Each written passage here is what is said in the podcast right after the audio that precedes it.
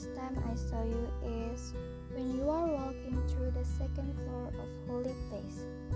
Seeing your head up, your eyes, your lips just makes me stare. I thought that I will never meet you again, but you came back to there the holy place. You are different. Yes, you are. Oh, but I couldn't say hi for you cause that just weird. I know